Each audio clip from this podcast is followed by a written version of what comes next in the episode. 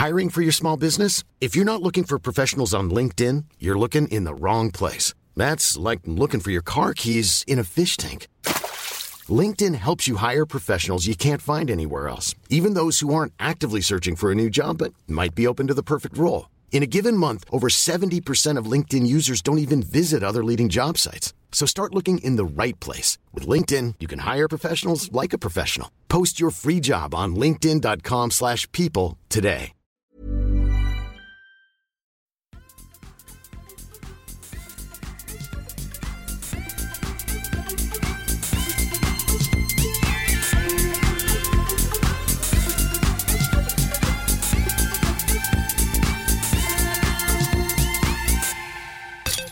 Då är vi tillbaka i Kedja ut, en podcast om discgolf. Mitt namn är Tommy Bäcke. Jag gör det tillsammans med Nicke Nyman och Elina Rydberg och idag även tillsammans med Emil Sneaky Dahlgren. Välkommen till podden. Hur är läget? Tack. Tack så hemskt mycket. Det är riktigt fint faktiskt. Skönt att få höra lite norrländska. Gud, hörs det? Ja, Om det gör. Då får man leta Ja, men det ljud tror jag. smyger sig igenom högtalarna här. faktiskt. Ja, nu Tommy, nu tycker jag att han är... Nu... Är du snäll med mig? Men jag tar det. Jag tar det jättegärna. Jag tyckte det, Ja, det var som, det, det är inte lika brett och hårt som Nicke så här, men det smyger som igenom. Det ligger på en väldigt fin linje. Och det var det jag det är inte reagerade Hanna på. Marklund i alla fall, så mycket kan vi säga. Det är då inte som Hanna Marklund. Nej, det är det inte.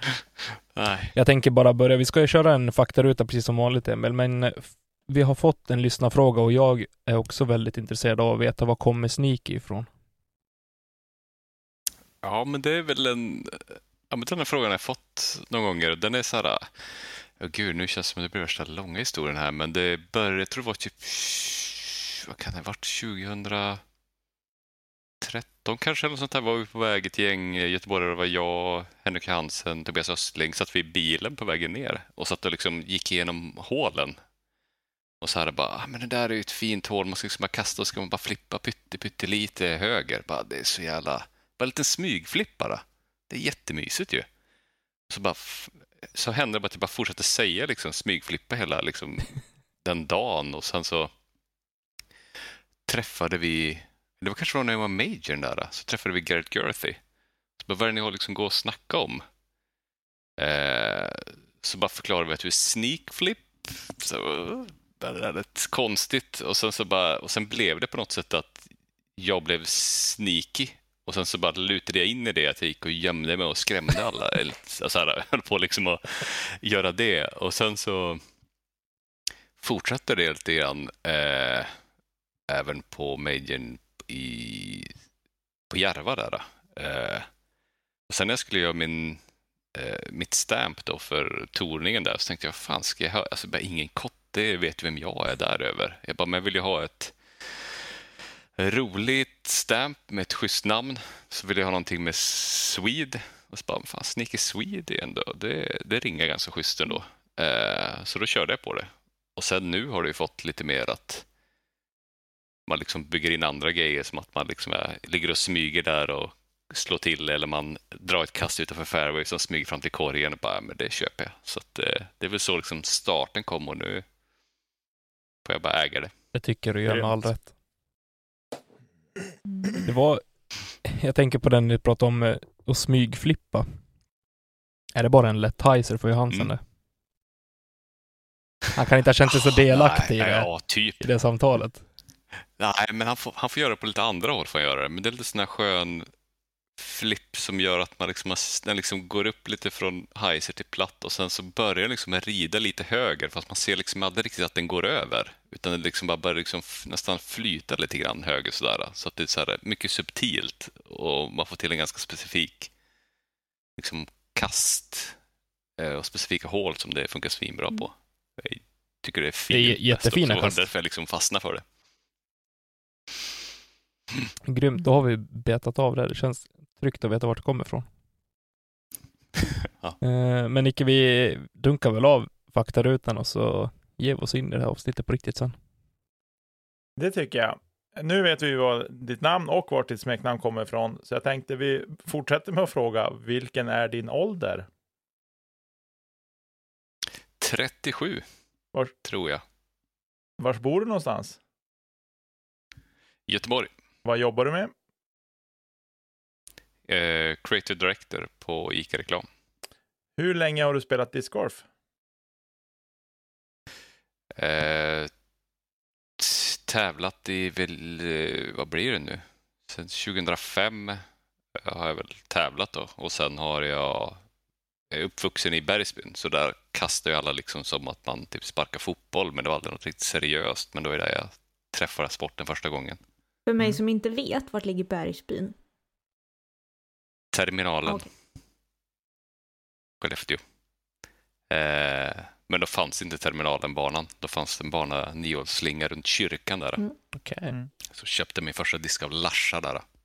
Såklart. Otippat. Eh, vilken var din första disk som du köpte av Larsa?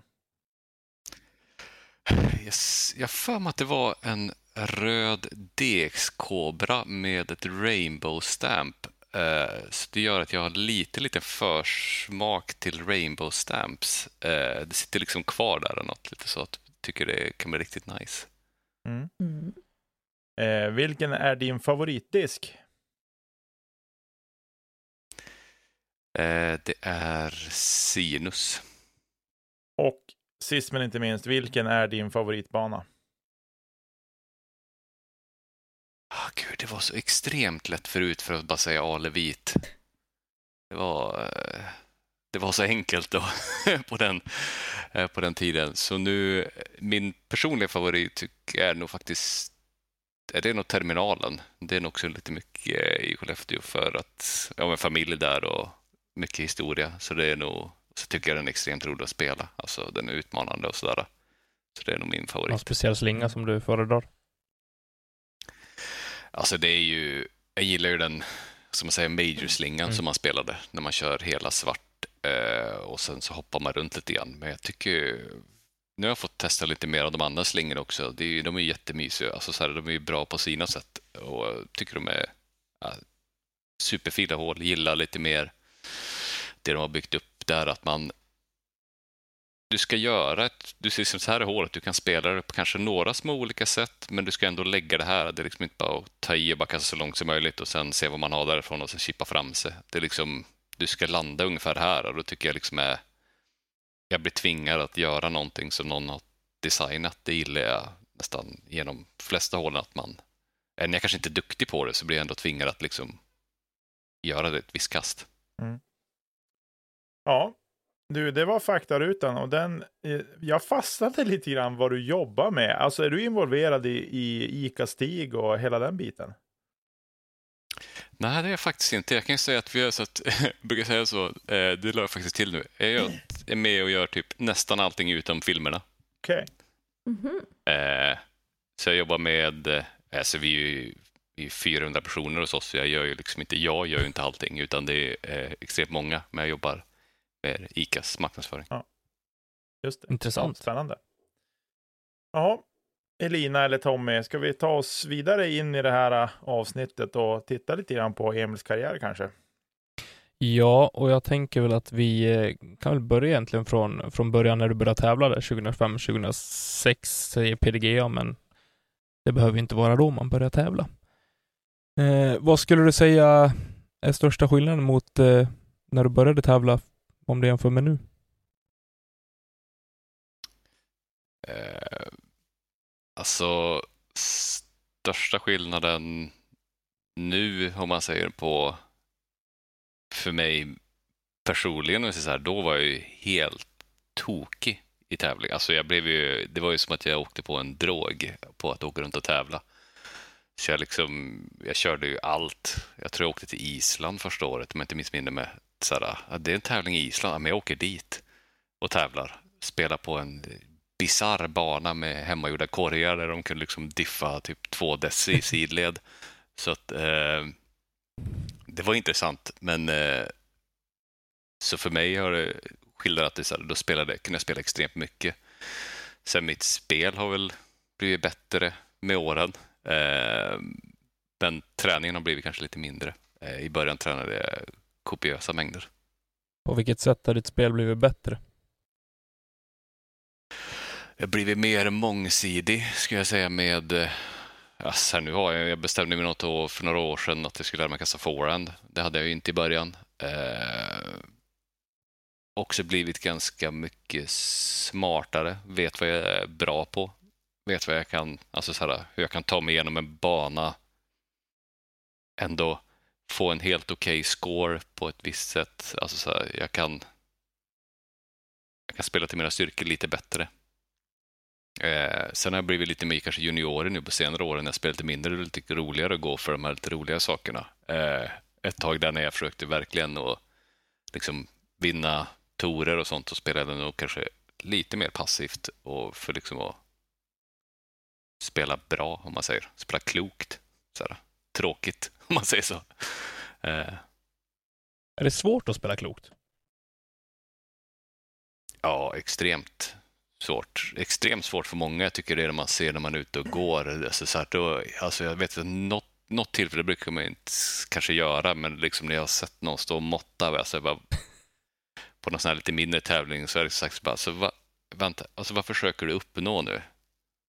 Du står liksom mitt ute i salladen.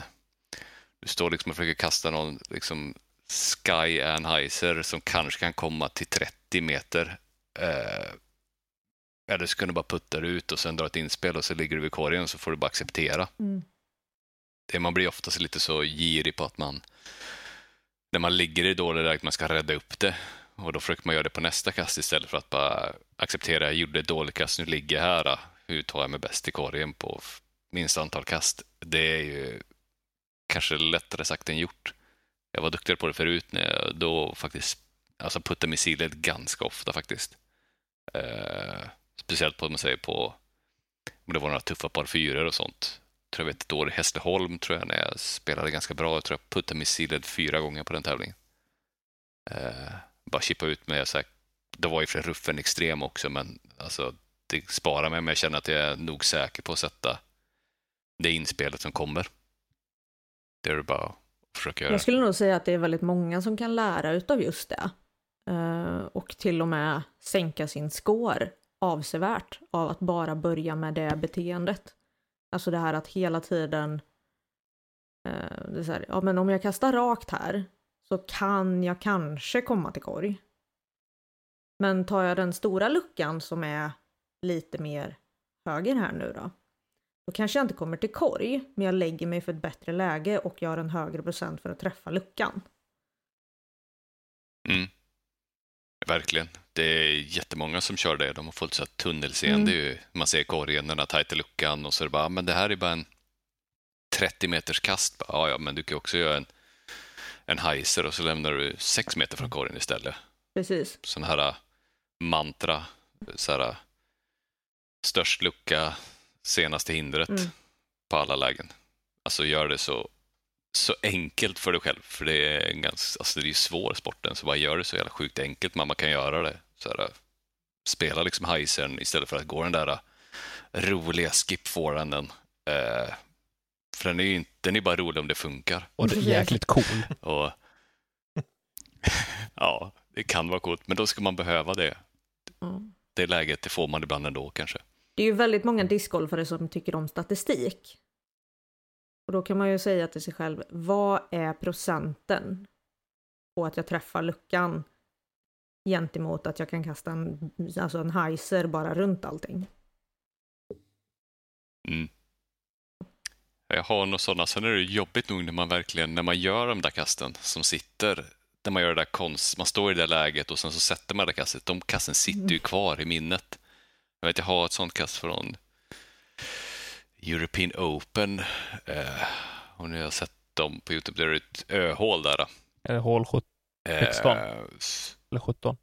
16 ja. Ja. Så drar jag en drive alldeles för långt ut. Liksom. Det var liksom så här, jag ligger liksom nästan OB ut i så, här, så liksom ett gren som bara går rakt över. Så, så här, bara, alltså, jag kan ju inte kasta här ju. Så bara, men om jag springer och duckar och kastar samtidigt och kastar en platt flippig fairway driver in på den här lilla ön. Det kan ju gå. Och där liksom slutade jag vara lite mer smart och var ganska dum Och så bara gjorde jag det och så bara, ja men det gick ju. och så, så här, men då kände jag nu så här, där kom jag undan med någonting. Alltså det var så, det var så dumt. Jag hade kunnat stått och gjort en 17 där mm. utan problem. eh, så där får man liksom känna att jag så här, ah, där hade jag flyt. Som, för det är så man gör liksom höga siffror. Man står man bara och matar där på stroken distance. Eh, men någonstans Eh, nej, det var nog bara distance då. Någonstans så är det också så att man, man får välja sina tillfällen. Jag menar, ändå på, på den nivån som du faktiskt spelar på är ju relativt hög. Eh, eller relativt, den är ju faktiskt, den är hög. Eh, och eh, då tänker jag också att då har man ju någonstans den mentala biten och den mentala styrkan att faktiskt kanske inte sätta sig i samma skitiga situation varvet efter igen.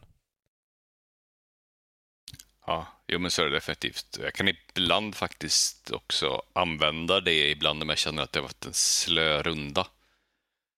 Då kan jag ibland alltså ändra gameplanen för att så här, alltså jag kommer liksom inte igång med rundan. Jag liksom, det händer ingenting, jag får liksom inga birdies. Så, så här, då går jag kanske för den där äh, 17 meters dödsputten. För sätter jag den, då, då tänder det liksom. Då, kör, då, liksom, då händer någonting. Eh, men det kan ju också gå åt skogen då får jag liksom köra en övervägning så här, men nu, nu gör jag det här som jag kanske inte borde göra. Men då liksom får jag liksom kicka igång mig själv. Eh, så att det händer ibland. Funkar ibland, ibland så blir det höga siffror. Jag tänkte på det när vi pratade om just att spela smart och att det är svårt och så vidare. Du som ändå har varit över och tävlat eh, en del i USA. Skulle du säga att det skiljer ganska mycket mellan om man säger svensk och europeisk discgolf jämfört med amerikansk discgolf på det sättet att eh, hur man approachar spelet eh, sett till eh, smartness? Ja, det är lite mer där behöver man ju liksom tuta på. Alltså det är ju... Nu är det ju så extremt många som är så duktiga och när vi över så många som är så duktiga och det är liksom... Du behöver ju liksom gå fullt ut. Jag skulle vilja säga att jag tycker att det är lite... Nästan lite enklare, för du har liksom inget val alltid så här, jag måste gå för allting jag kan liksom inte så här, behöva överväga om jag kan liksom spela lite mer safe och ändå liksom kanske gå lite bättre och kanske till och med vinna. Utan så här, det, är liksom, det är bara fullt ös och så går det i lås och då kanske jag leder. Eh, så att det är så här, du har liksom inget val. Liksom, situationen har redan valt åt dig. Så det är mer så här, så när jag var över och körde så här, jag testade också, jag bara, jag bara tutade på och körde på allt. Det var liksom så lite befriande på ett sätt. Så här, det är nästan lite så här, matchspelskänsla. Den andra har redan satt putten, nu måste liksom sätta den. Det är lite den mentaliteten jag fick in, så jag kände att det blev nästan lite mer avkopplande på ett sätt. För att jag inte behövde liksom överväga. Du behöver inte analysera på samma, samma sätt som jag gör hemma. Ja. Nej, hemma känner jag att jag behöver liksom mer så här, känna att jag kan liksom så här, ja, men jag kan glida in på en helt okej okay runda och ändå häng, ha häng. Mm. Så att varje kast är lite mer värt på en, en Pro Tour-tävling än vad den kanske är på en nationell tour i Sverige. Jajamän, det kan kosta många platser och pengar. Det märker man på många att de blir eh, extremt mm. upprörda. Mm. Eh, för att det är, mycket, alltså det är pengar för dem. Det är levebröd. Det, det är en sån grej som jag, jag har svårt själv att ha tänkt på just i Sverige. Att någonstans är mentaliteten alltid att man vill vinna. Eh, och på den nivån jag spelar så är det definitivt inga pengar inblandade.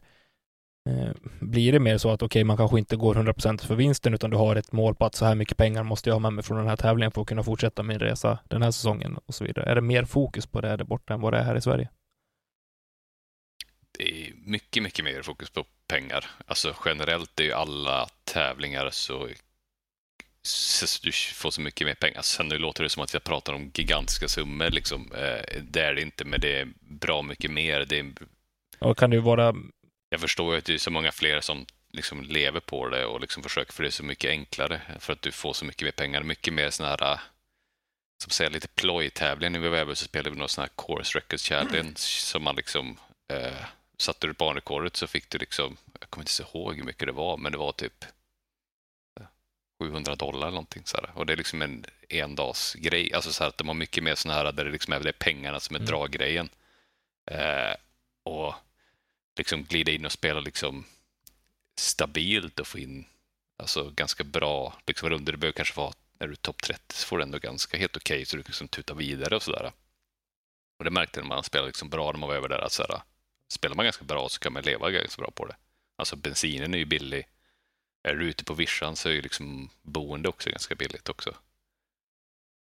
Så det, det gör ju att fler kan liksom leva på det eh, än vad man kan göra liksom här i Sverige och Europa där det är lite mer att du ska ha ett företag. Sen kanske de inte körde liksom allt by the book riktigt. Hur de reggade sina vinster i efterhand och så, det vet jag inte. Mm. Nej, men också att det just finns flera, flera vägar till att faktiskt kunna leva vidare på det. Eh, vi ser mycket OTB skins till exempel i dagsläget som kanske betyder väldigt, väldigt mycket för många som, eh, som kanske inte är med och slåss om, eh, om vinsterna i tävlingarna. Eh, så jag tror att, Mm. hur långt tror du vi är i Sverige från att ha en sån grej? Nu fattar jag att det är liksom skatteproblem eventuellt och, och sådana grejer, men tror du att vi kommer kunna se liksom sådana upplägg i Sverige framöver?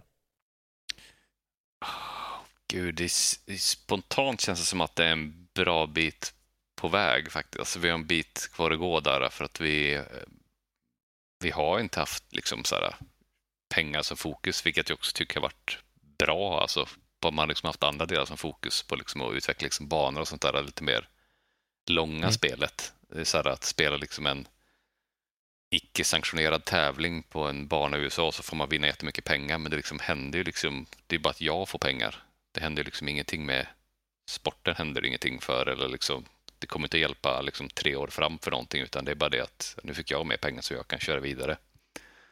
Eh, så jag tror väl jag tror väl att vi måste få in mer pengar för att få, om vi vill ha mer tourer, så åker alla över och då bygger du ingen så här Europatour-del. Eh, det är inte så att om man vinner en Europatour så kan du liksom så här överväga om jag ska liksom eh, ta och börja göra det här på heltid eh, i Europa. Det är liksom, men vinner du liksom en tävling i USA då kan du bara säga, fan shit, jag säger upp mig och testar på det här resten av året så får vi se vad som händer. Mm. Det är så enklare start för dem också. Eh, och komma igång på det sättet. Så att vi har nog tyvärr en bit kvar på den. När vi ändå är inne på det, eh, så gick ju Natural Born Disc Golfer ut med den här nya Europatouren. Har du några tankar om det? För där så skulle de ju lägga mer fokus på men, media och payouts, vad jag förstod. Mm.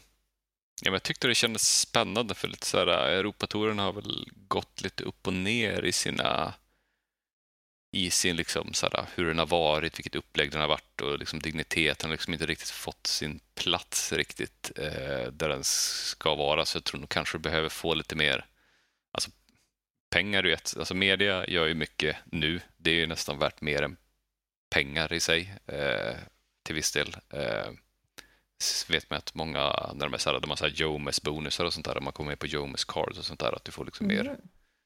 pengar från sponsorgrejer. Har jag bara hört, jag har inte det Mm. själv. Men, eh, så att det är så här, det är värt mycket. Så jag tror att det gör ju också att det kommer fler bra spelare dit och sen blir det liksom en snöbollseffekt på det. Så jag tror att det är bra i liksom nu. Sen så blir man ju blir man fundersam vad som händer liksom med PGA Europa och sånt där. Om det är så att de kommer liksom dra sig tillbaka. Kommer de då att inte lägga lika mycket krut på tävlingsdelen? Så kanske kortsiktigt svinbra, långsiktigt kanske lite sämre. Eh, då löser någon annan det. Eh, jag vet inte. Inte. Får se lite hur det spelar ut sig. Mm. Det är sant. Ja, det ska bli spännande i alla fall. Det är ju skönt att man tar tag i det i alla fall. För jag menar, det här kan ju också, ja men i bästa fall får det ju en positiv effekt och så ökar det och så går allting framåt under en längre tid. Eller så är det som du säger att det toppar och så dalar det efter ett tag. Men eh, Ja, jag hoppas de, hoppas de kör på liksom länge och får bra snurr på att många liksom kommer dit och att eh, man liksom får till bra liksom i kalendern när det är liksom är stort här majorserna i Europa så är det en sån innan. Så får man liksom upp lite liksom där och lite fight mot Europa mot USA där så kan man liksom få en ganska bra spin Mm. där. eh, Det ser det. ut som att men- både Tyni och Estonian Open ligger i juli. Eh, där också European Open brukar ligga. Eh, nu under 2022 då. Eh, Ja, Så okej. vi kan hoppas att det Det är bra. tajmas in bra där. Mm. Ni brukar ju ligga veckan efter midsommar eller något sånt där. Mm. Tror jag det. Grymt. Eh, så här är det ju, Emil, att du har... Eh, kommer du ihåg när du var under 1000 rating senast? Eh, jag tror att jag har koll på det. Eller jag tror att det var över tio år ja, sedan. Det det. Maj 2009 var du nere på 999 och vände. Eh, men eh, det jag tänkte, vad, vad är hemligheten? Vad är det som, eh, vad är det som gjort att du har kunnat tillhöra Sverige-eliten så pass, eh, så pass länge och hålla en så pass hög nivå och jämn nivå över så lång tid? Uh, jag, säga, jag, jag såg faktiskt det för ett tag sedan när jag var inne och tittade på så här, bara, shit, fan, jag har varit där länge. Vet, vet, det är konstigt att jag tog med mig från det bara, vad fan, och så har du inte gått och blivit eh, bättre än så här. Då Du har fan spelat i tio år och hållit dig själv bara kom igen nu Emil, skärp dig nu. Så jag blev lite triggad av det att jag så här, bara, fan det måste utvecklas. Jag känner ju att jag är bättre än det, men eh, eh, inte riktigt. Men det är väl, vad ska man säga, det är väl så här tråkigt svar. Alltså, så här, träna ju i början, eller så här, kanske var det i typ sju år, alltså extremt mycket. Eh, det var ju ja, men fem till sju gånger i veckan, någon form.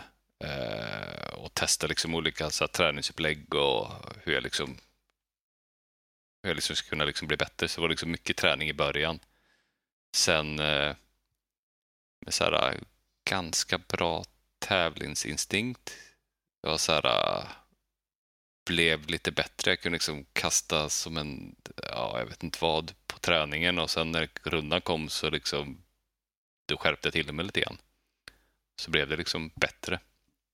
Eh, sen jag tycker att det är så här, jag tycker det är roligt att tävla eh, och roligt att kasta frisbee. Eh, så det har väl liksom gjort det att jag liksom kunnat hålla på och träna och tävlat och den här tävlingsinstinkten haft lite kanske inte haft så här superlångsiktiga mål, men det har alltid funnits liksom så här kortsiktiga mål. Eh, har du fokuserat på, egentligen, eh, på dina svagheter eller styrkor mest när du har tränat eller en, en blandning av det? eh, jag har väl fokuserat mest på svagheterna, har jag väl gjort mest. Eh, alltså det har ju varit, genom åren har det egentligen varit liksom puttning. Jag har ju känt att jag kunde kasta eh, lika bra som de bästa nästan i, alltså kanske inte i världstoppen, men eh, Eh, snäppet under där. Eh, så kände jag liksom, får jag till puttningen så vinner jag. Det är ungefär det. Eh, sen har jag väl försökt också, väl puttning, men också egentligen mycket liksom sätta linjerna i, också på liksom hårda kast också.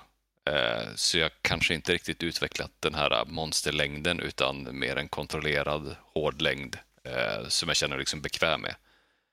Eh, Och sen ja, bestämt mig för att liksom börja kunna kasta forehand och sånt. Det var det jag bestämde med en off-season. Att jag sa nej men nu ska jag bli bra på forehand. Och sen så bara nötte jag det tills jag blev vettig.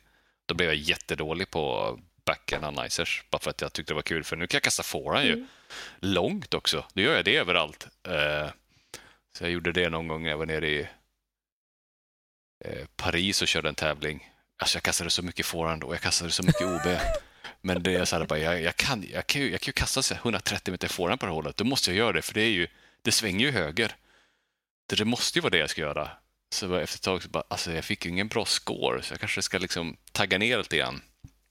Så nu kastar jag inte så långt forehand längre, så nu är jag lite mer kontrollerad. Eh, så det ångrar jag ju nu då att jag inte bibehöll den långa forehanden och bara tränade upp precisionen lite grann. Men man lär sig. Alltså det är ju en väldigt stor diskussion det här med forehand. För att vissa, Niklas, anser att man inte ska kasta forehand. Eh, och jag, eh, som har Till varit Nickes försvar så är det ju fler år. som inte Ja. vill det. Så är det. så är det. Men han får ta smällen här i podden. Men Ja. vad var det som gjorde att du kände liksom att nej men jag måste ha det? För uppenbarligen så har du ju kunnat kasta Anheuser. Så att det liksom har funkat. Ja, men det var nog... Det var nog när jag såg... Eh, jag tror nog att den riktiga, så här, när jag märkte... Alltså, när, jag, när jag började liksom spela så kastade jag liksom typ ingen Mm. forehand. Egentligen så här, det var ju knappt någon som gjorde Mm. det. Eh, och då är det lätt att man liksom fastnar i det hjulspåret och sen vill man inte ändra på det utan man tycker att det är liksom det bästa. Jag fick väl någon liten ping där jag märkte, jag tror det var när Avery var duktig. Eh, och så märkte jag en spelare mot Josh Anthony i någon Alltså, nu låter jag som jag dinosaurie på någon jävla DVD, tror jag. Eh, eh, men jag får ta det. Eh, så eh, märkte jag bara att alltså, det där är så jäkla mycket enklare. Mm. Alltså, det är ju så sjukt mycket enklare. Så sa jag bara så här, jag har också, jag har varit nära, känner att jag var nära att hamna i det här, äh, nej men jag vågar väga liksom forehand. Men så bara, nej fan, det är ju, jag kan ju få en stor edge om jag bara kan göra Mm. det här. Då. Så då bara gick jag ut och bara, jag tror jag hade 25 stadiga meter med forehand när jag började. Eh, och sen så på en off-season så blev det nog kanske 110 eller något Mm. sånt där. Du ser. Nicke, hoppet är inte dött. Och, bara, och då... Nej. Nej. Jag gjorde det med DVD-er, Nicke. Jag gjorde det med DVD-er. Tänk vad det finns nu på YouTube. Ja, men du, Herregud. jag måste ju fråga här då. Jag tycker ju, jag tycker ju att ett, ett eh, högt Anheuser-kast är ju bland det finaste som finns. Medan en rak Oh, ja. forehand med en fade är ju skittråkig. Alltså, Oh ja, det är svintråkigt och det är... men det är effektivt. det, jag håller helt med dig. Det är ju... Effektivt är det. Och jag har väl tyckt när man har tittat mycket på banor och sånt, man har runt tittat så här, så undrar jag så här, när ska folk inse att folk kan kasta forehand? Så ett hål som svänger höger på slutet är inte så svårt. Ja. eh, längre. Mm. Det kanske var svårt för 10, f- liksom 8 år sedan, men nu kan ju faktiskt folk kasta så. Eh, så nu hoppas jag väl snart att man börjar inse att det bland de svårare kasten, det är att kasta helt rakt. Mm. Eh, jag tycker måste också någonstans- fråga. Eh, Får jag ta det Eh, bara Nicke? Ja, jag tänker just det här att det, vi har kommit så pass långt i bandesign också att just ett, ett hål som svänger höger behöver nödvändigtvis inte vara anpassat för att för en högerhänt kastare kastar forehand. Utan att det faktiskt har en, en sån shape eller en form på, på hålet att det kräver faktiskt ett, eh, en turnover eh, istället för en forehand. Och eller är helt ute och cyklar. Mm nej, det är helt... Jag tycker det är helt... Jag tycker väl den som jag tyckte gjorde det riktigt bra som märkte Det var ju när de, när de la Ale gul, om ni han spelade liksom den, så var ju den, alltså den hade liksom märkte jag ett spel som jag kände att jag hade saknat lite på bandesign, lite så här att man du blir tvingad att lägga en vinkel. Och då blir ett 80 meters hål mycket svårare. Alltså så här, för du kan inte bara dumpa en forehand eh, eller bara dra en heiser eller utan du måste säga jag måste, jag, måste släppa den här med en missvinkel. Även om det är för liksom en högerhänt eller vänsterhänt så måste man liksom du måste manipulera vinkeln och då blir det så mycket roligare, svårare och roligare att titta på. Eh, så det tyckte jag, där tyckte jag märkte så bara, shit, det här är ju mycket roligare än bara det här rakt, eller rakt fram vänster, rakt fram Mm. höger. Alltså så att man får jobba lite grann med disken. Ja men just Ale Gul Ja, som du nämner har ju det här, dels hål 11 som från 10 så är det så här, ja men det är en forehand. Jaha men du kommer inte fram med en forehand. Och så här, ja men det är en Anheuser. Mm, absolut, lycka till. Det är verkligen den här specifika vinkeln man måste lägga. Och sen så, typ Ja. hål 13 är också så här, ja men det här är en forehand. Bara, Nej, det är ingen forehand. Och sen, ja fast det är en väldigt konstig Anheuser också i så fall. Så jag förstår. Ja, man får liksom jobba med typ en överstabilare disk och liksom Mm. så här, man får liksom verkligen kunna sina diskar för att kunna sätta den och det är liksom när man sätter dem så är man så blir bara så glad Mm. och man blir nöjd och missar man inte så blir jag liksom inte arg på att det var en jävla otursgren eller utan det var så här, men jag misslyckades, jag hade ju för lite vinkel eller för mycket vinkel eller fel diskval mot vinden eller något sånt där. Mm. Men när det liksom är med de här raka fade, då kan man ju liksom så här, då klubbar det ju upp till något ännu stabilare och så trycker jag på eller lägger lite extra heiser på det så liksom spelar det inte så stor roll. Då kan jag liksom missa lite grann och sen så hamnar man ändå liksom nästa cirkeln. Mm. Eh, men det är ju så, apropå det med for, alltså så här, forehand är ju lite, inte fusk inte, men det är mycket tråkigare. Tråkigare att kasta tråk och så här, lite enklare. Eh, så jag gillar ju att köra roligare att kasta anhizers. Mm. Det det. Eh, det var det min fråga var. hål 5 på röd och gul i Skellefteå på terminalen. Vet du vilket hål det är? Eh, ja, är det det som är lite ormigt och slutar ner till höger? Nej, eller? hålet efter det. Eh, Ja, höger, det var med höger, i okej. hål 4. Och sen är det en högerböj. Hål. 4, okej. Hål 5, ja, då vet jag vilket Ja. det Innan Larsas Nemesis-hål kan vi säga. Eh, är. Jajamän. det hålet är ju någonting som, ett hål som jag kan tänka mig att det också bjuder in till forehand. Men för mig, jag kastar ju bara backhand i princip. Eh, så för mig är det en solklar backhand med lite vinkel på. Eller kasta något som fri- flippar och flyger. Vad kastar du där? Kastar du forehand där eller kastar du backhand? Jag kastar backhand. Tycker att den vinklar så får man vill liksom forehanden sätter du sätter lite träden Mm. rakt fram i spel lite grann. Så då behöver man liksom, det blir nästan lite svårare, så man får liksom lägga lite vinkel och flippa upp någonting och det är jag liksom inte så duktig på. Ja. Eh, så tycker jag an- den formar sig ganska fint efter en, en, liksom en an, lätt anicer som håller hela vägen. Ja. Och så, Eh, som flippar lite Hålet senare. innan kanske. kastar däremot forehand på. Ja, hålet Ja. innan kan jag Mm. förstå att man kan kasta och flexa någonting kanske. Något lite stabilare som man kan flexa. För det är ju en, en väldigt speciell eh, vinkel på det hålet. Jag kastar för att kasta heiserflip där och det är ju inte heller lätt med någonting som är Nej, jätteunderstabilt det istället. sätter man den är det fint. Det beror på om du ska spela röd eller gul. Ja, det är såklart Mm. också. En ganska enkel Ja. trea om du sätter heiserflippen på par fyra, tänker jag. Ja, Mm. Precis. Eh, ja, ska vi rulla vidare i det här avsnittet lite grann. Eh, du, 13 vinster här i Sverige. Senast i NT'n 2019 i Kalmar. Stämmer det? Då var jag där. Det var Tommy där tydligen. Mm. Eh, de här vinsterna som du har radat upp, det är ju ändå ett imponerande facit tycker jag. Så är det för att du börjar tidigt eller är det, finns det andra orsaker? Vi har ju fått lite förklaring till när du har så hög rating som du har. Eller har legat på en hög nivå länge.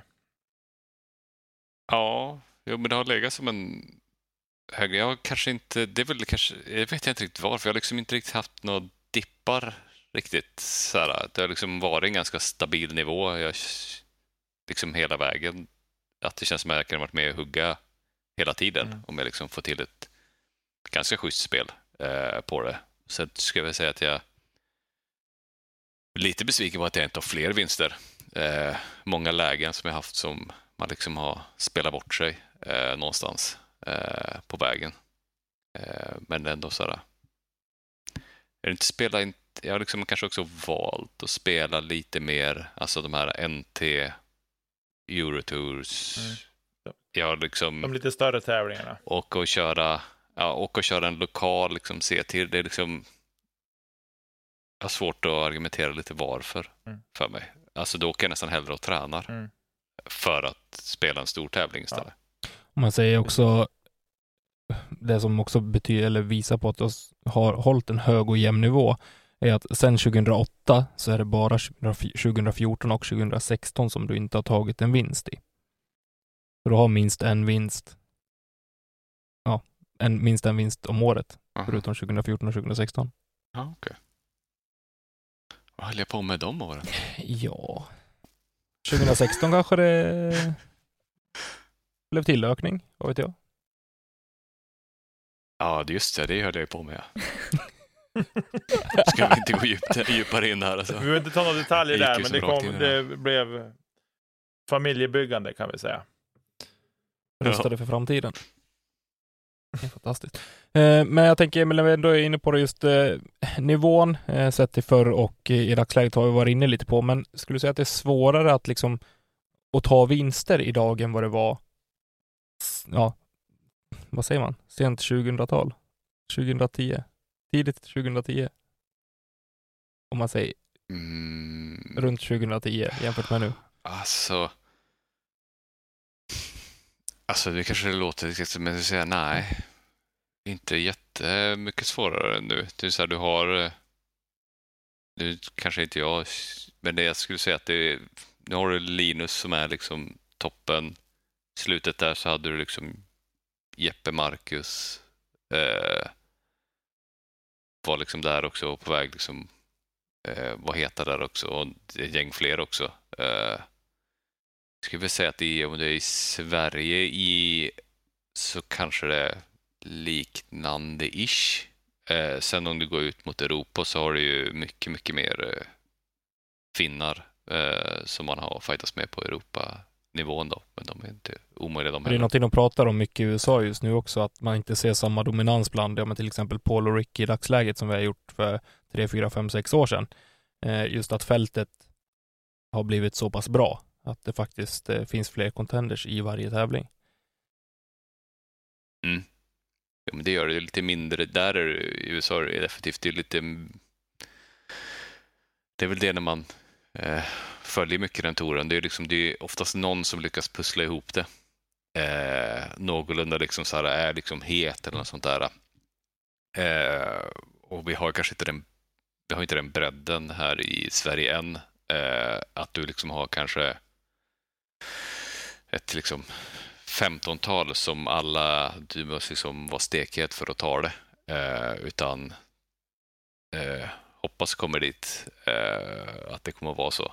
Eh, då kanske jag inte kommer att kunna hänga med lika mycket, men eh, så jag får njuta så länge jag kan hänga med. Hur lång tid tror du det tar innan vi ser 10-15 stycken i klass med Linus Karlsson som faktiskt håller den nivån? Sett över en hel nationell tour exempelvis. Jag skulle väl, eh, nu får man dra en skön killgissning här då, men jag skulle säga att det kanske är i alla fall en 6-7 år bort. Ja, Känns det är nog rimligt. Det, Sen kan det gå ex, extremt mycket fortare också. om Man har liksom, om det är liksom rätt personer får liksom träffa sporten och eh, klara sig igenom tonårsperioden och fortfarande håller på med sporten. Eh, då kan det hända grejer. mm. Eh, Jag kan ju bara se egentligen lokalt eh, på den sidan nu, men då ser vi egentligen den breddökningen i de lägre divisionerna. Ta MA2 MA3 till exempel, där det är betydligt mycket tajtare. Elina var inne på det förra veckan också. Eh, att det är svårt att liksom kanske skilja ibland på MA3 och MA2. Eh, men just Mm. att bredden på den lägre nivån blir större. Och förhoppningsvis så kanske man Mm. fler utav eh, fler i den massan eh, ta sig till nästa nivå också. Jo, men det tror jag. Det är ganska... Alltså man ser när man är ute och liksom spelar så ser man så bara shit, du är ju duktig ju. Så bara, det är ju bara, det är bara att åka ut och tuta ju. Så här, du kommer ju att bli grym. Och sen så vet man aldrig om liksom, det kommer klicka för någon. Att, så här, att man helt plötsligt blir liksom så här, jätteduktig. Eh, det vet man aldrig. Eh, så att det, är så här, det finns många som man ser så här, oj, oj, det här kan bli det här kan bli jobbigt om några år att få möta den här personen om den liksom får till alla pusselbitar. Eh, och gud, jag glömde bort ett namn som var jobbigt att spela mot tidigare. Det var ju Oskar Stenfeldt. Gud, han var jättejobbig att spela mot. Eh, på tidigt där. Han var ju eh, ung, liten och svinförbannad eh, och spelade svinbra. Eh, så det var jättejobbigt att möta han. Eh, jag vet, jag har något tillfälle där när jag spelade mot han i Skellefteå när han gick och svor för han låg typ sju under efter åtta. Bara, Oskar, jag ligger minus ett. Tyst bara. Eh, och då spelade vi svart slinga. Eh, och han var skogstokig där för han missade något hål. Och det är så här, än man inte går och snackar hela tiden så är det lite så här bara, hur arg, måste, hur arg ska jag vara egentligen? Jag är inte så het som du är. så här, jag måste, jag, vad gör jag? Så, här, så, här. så han var stekhet där i ett gäng år. Eh, så det var synd att vi liksom tappade han. Hoppas han liksom kommer tillbaka igen. Han, eh, Mm. han hade han fortsatt spela så hade Linus varit jobbigt. Mm.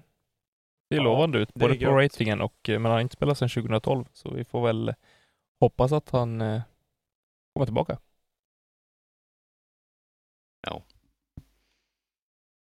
Men Ja. innan vi hoppar in på lyssnarfrågorna som eh, har blivit en liten special idag eftersom eh, Instagram och Facebook ligger nere. Men jag vill veta, för när jag såg dig första gången så vet jag att det var när du var i USA. Och var det 2019 du var där senast? Eh, 15. 2015 var jag där. Okej. Tog du fel i facit Elina? ihop. Nej, men det går inte ihop i mitt huvud. För att jag vet att jag har sett stories ehm, från när du har spelat banor i USA.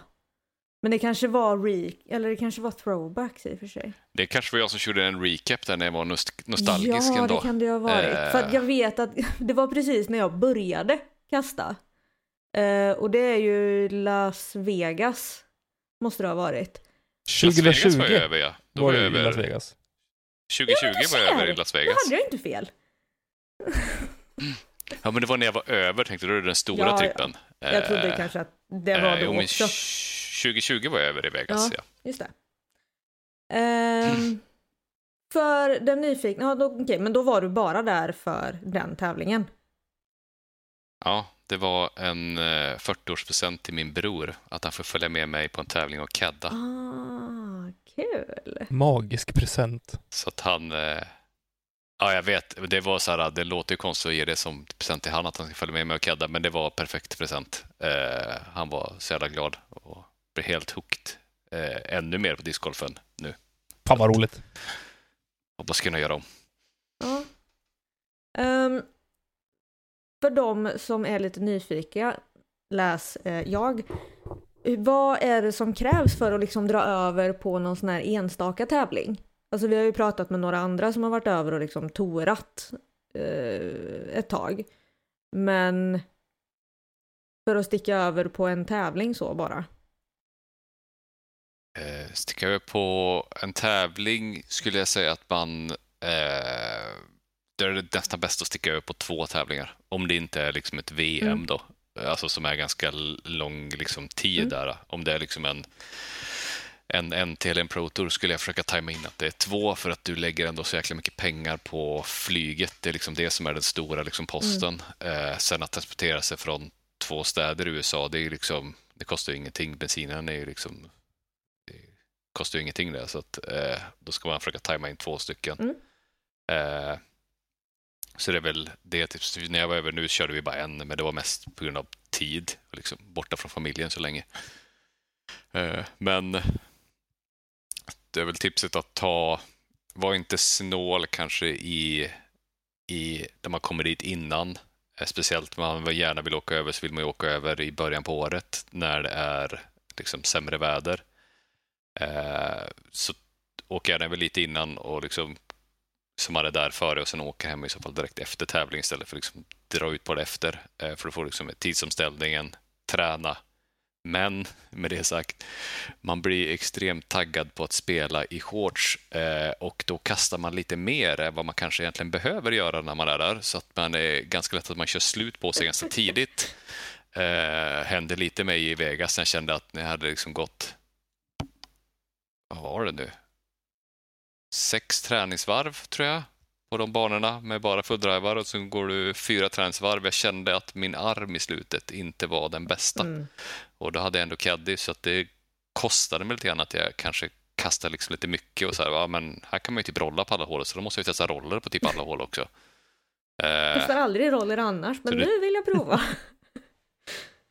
Ja, ja, men när man är över i USA så då, då så här, när de spelar på mycket som golfbanor, då får man liksom, då får man, då ska jag bara säga så här, kastar man ett roller, då får man liksom bara, det är bara att testa. Mm. För att det är på vissa banor och så, så är det liksom, det är det enda kastet du kan göra för att typ få birdie Mm. nästan.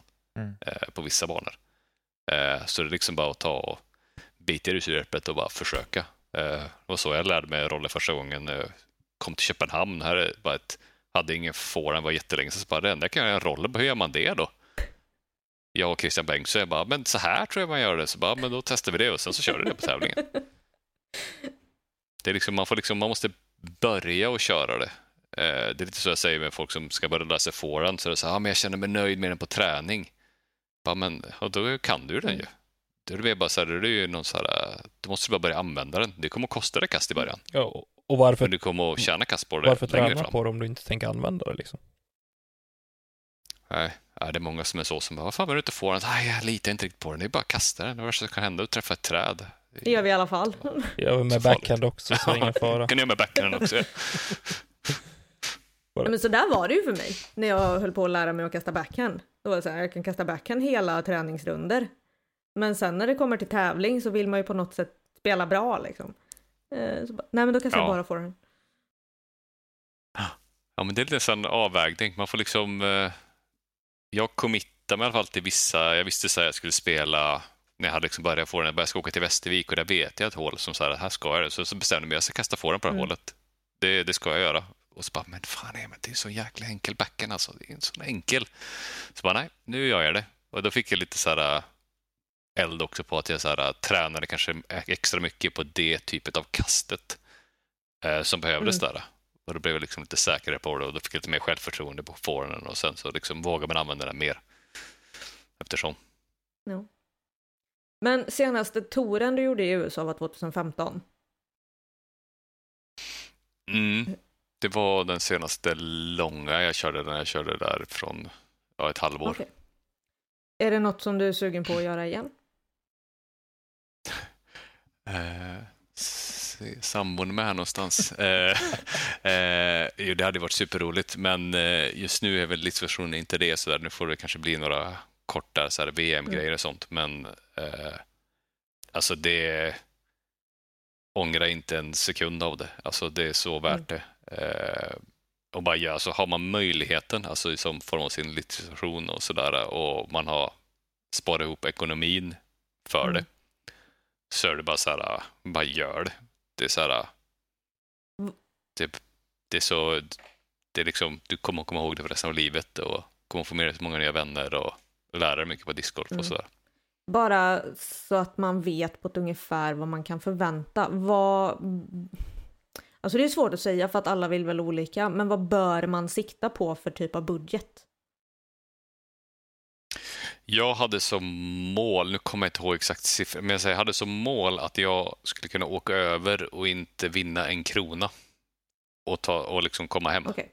Eh, för att så här, jag tog det först som så här, det här är en, en, så här, en grej för livet. Jag vill inte komma och känna att jag så här, förstör det med att jag känner att jag måste liksom jag försöker ändå prestera, jag gör samma grej i Sverige så här, när jag åker på tävling. Det är inte så att jag måste vinna pengar för att klara mig, utan det är mer för att liksom, placera sig bra som är Mm. grejen. Så jag vill ha samma grej där.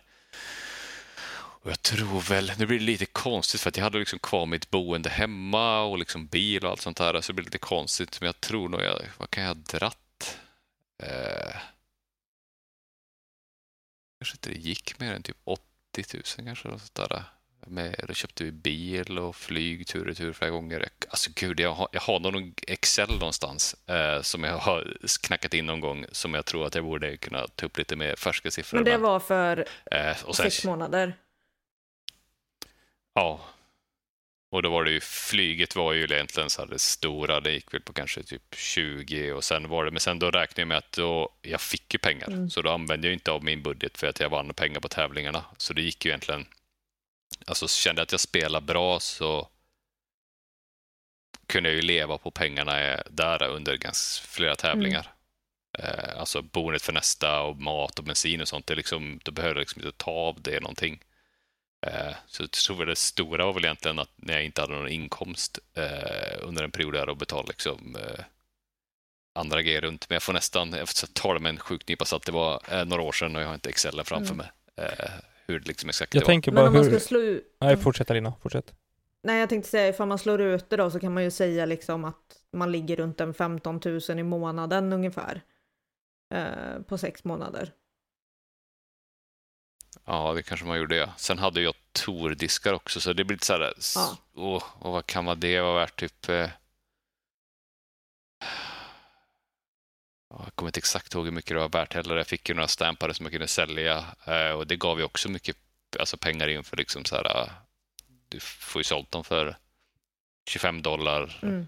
eh, skickade så du liksom får in liksom lite, lite pengar där också. Eh, sen kom nog inte, jag känner att jag tror att jag sparade upp lite, alltså jag, hade, jag tror jag hade typ en buffert på att jag hade typ så här 170, alltså så jag hade så här sparat ihop så jättemycket så jag så här, det är inga problem. Jag kan liksom gå ut och käka, vi kan liksom göra vad vi Mm. vill. Vi liksom gick på så här basketslutspelsmatch. Alltså så här, att vi inte kände att när man ändå var där så kunde man liksom göra grejerna som händer när man är liksom i USA. Så jag inte känner att jag behövde liksom krascha på folks soffa hela tiden för att och liksom käka det billigaste, Mm. utan det- det var också liksom en upplevelse, semester och en tävling. Liksom. Eh, det var liksom allt i Mm. ett. Ville jag ha det som Mm. i alla fall. Det jag tänkte på var hur funkar det med registrering och sådär just i tävlingar eh, när du är över ett halvår exempelvis då. Eh, har du bestämt dig redan innan vilka tävlingar du kommer spela och har registrerat redan eller blir det registrering på plats eller hur funkar det?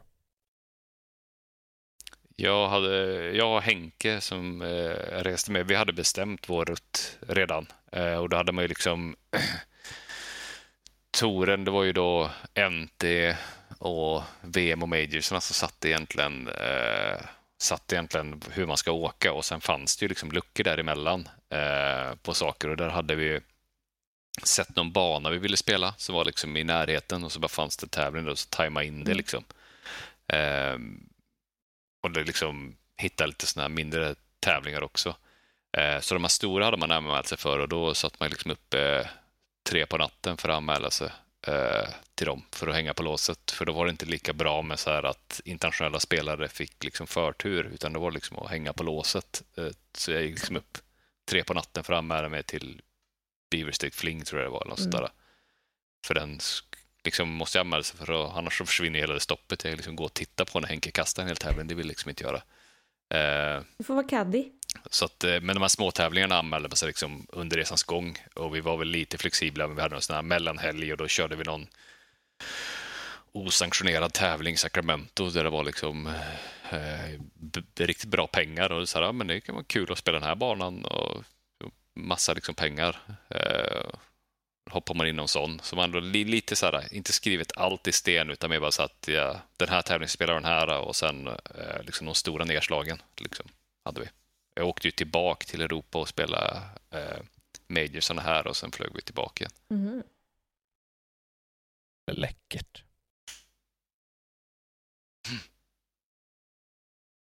Ja, men vad säger ni? Ska vi hoppa in på lite lyssnarfrågor? Det tycker jag. Japp.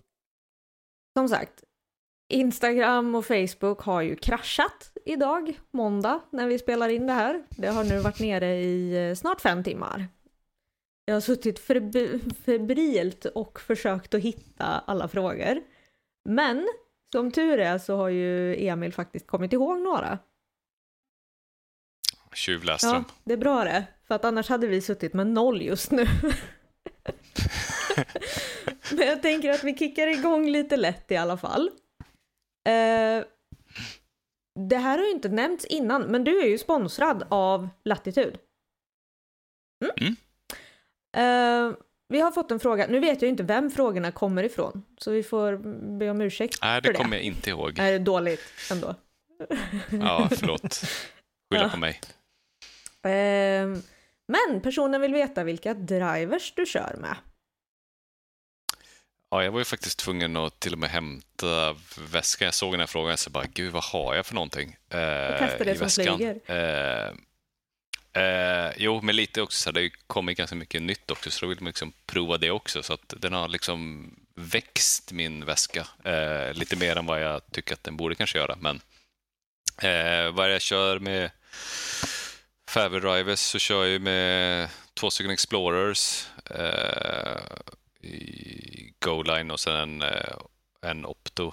Eh, och sen kör jag med en Saint eh, som är ganska insliten sen jag började spela med dem där eh, 2013. Det är fortfarande samma jag kör med som jag har liksom lite turnovers och sådär. Bra hållbarhet om inte annat.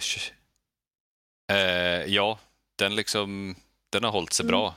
Så att eh, eh, den har klarat sig länge. Eh, sen kör jag väl med också en eh, Fellon i Fusion. Det är väl den disken som jag har övervägt om jag ska lägga ur väskan flest gånger och sen använder jag den på typ alla tävlingar, hur mycket som helst. Eh, och det flyger jättebra. Så jag var senast på SM och bara, fan ska jag lägga ut den här kanske inför rundan? Och sen så bara efter rundan så bara, kasta den på typ sex utkast.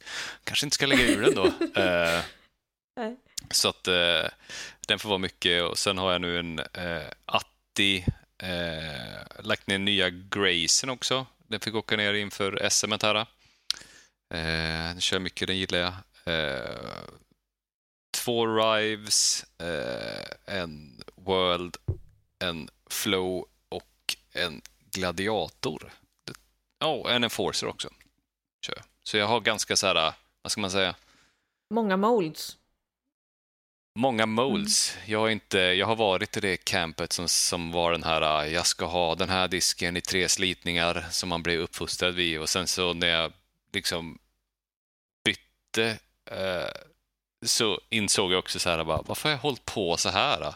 Jag vet att jag stod liksom och slet in diskar för att jag ska ha en backup till den där istället för att liksom typ gå och köpa en som flyger typ som den mm. där. För jag har liksom aldrig haft problem med så att byta olika diskar med greppet. Det har aldrig känts som ett, liksom ett problem mm. riktigt. Så att, eh, det är skönt att liksom slippa den man säger, stressen att man inte vågar kasta den där favoritdisken över vattnet. Eh, som många har där ute. Att de byter till en sämre disk och så kastar man ett sämre kastar kast. den i vattnet istället. Ja.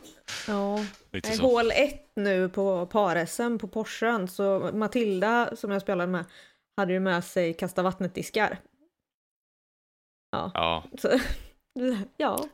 Det är en liten, det är en, det har, det är, en farlig grej. Det kan vara bra mm. i vissa fall, men det kan också vara en liten jinx till en själv.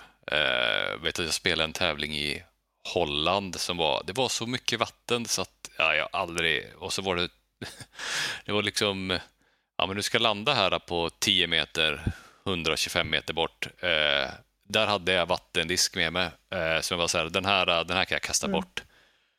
Fast jag gillar den ju inte så mycket. Så, så här, det är okej, okay, jag kan kasta bort mm. den. Och sen så kastade jag inte bort den.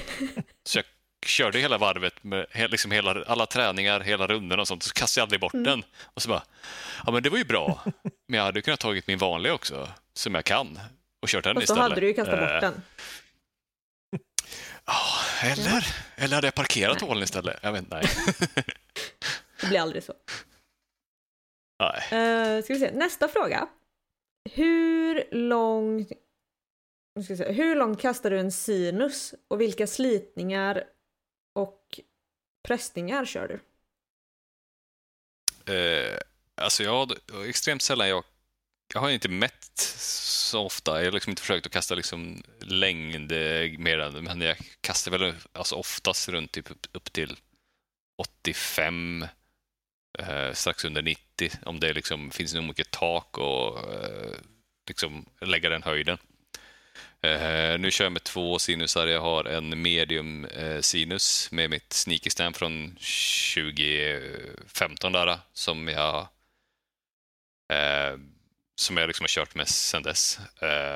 och sen har jag en gammal, vad heter de, Premier Run när de släppte sinusen. Mm. som jag tycker är riktigt sköna. De är riktigt köttiga. Så där har jag byggt upp ett litet stash av tio år gamla sinusar. Görs den fortfarande? Så jag klarar mig for life. Ja. ja. Den görs. Uh, det är den med de här märkena va? Thumbtracken va? Ja. Det är väl den och Spike som har... Jag använder inte de uh, thumbtracksen men uh, jag har liksom tummen emellan ja, dem. Uh, så att, uh, men vissa gillar ja. dem. Visst är det, det är den och Spike som har dem va? Spike har den ja. Mm. Eh, och Sinusen. Det är väl de två som har den. Mm. Jag har inte sett eh. någon annan, vad jag kan minnas. Ja. Eh, en trippel här då. Eh, viktigaste vinst, Ace och bästa minne. Jag såg den, den var klar sen så tror jag, tror jag fick, om jag fick med den på på rätt sätt han frågade, men viktigaste vinst? Eh, jag tror väl att den kanske är framför mig. Eh, jag tror det. Eh, den, den, den, väntar fortfarande på mig. Eh, den som jag skulle vilja ha.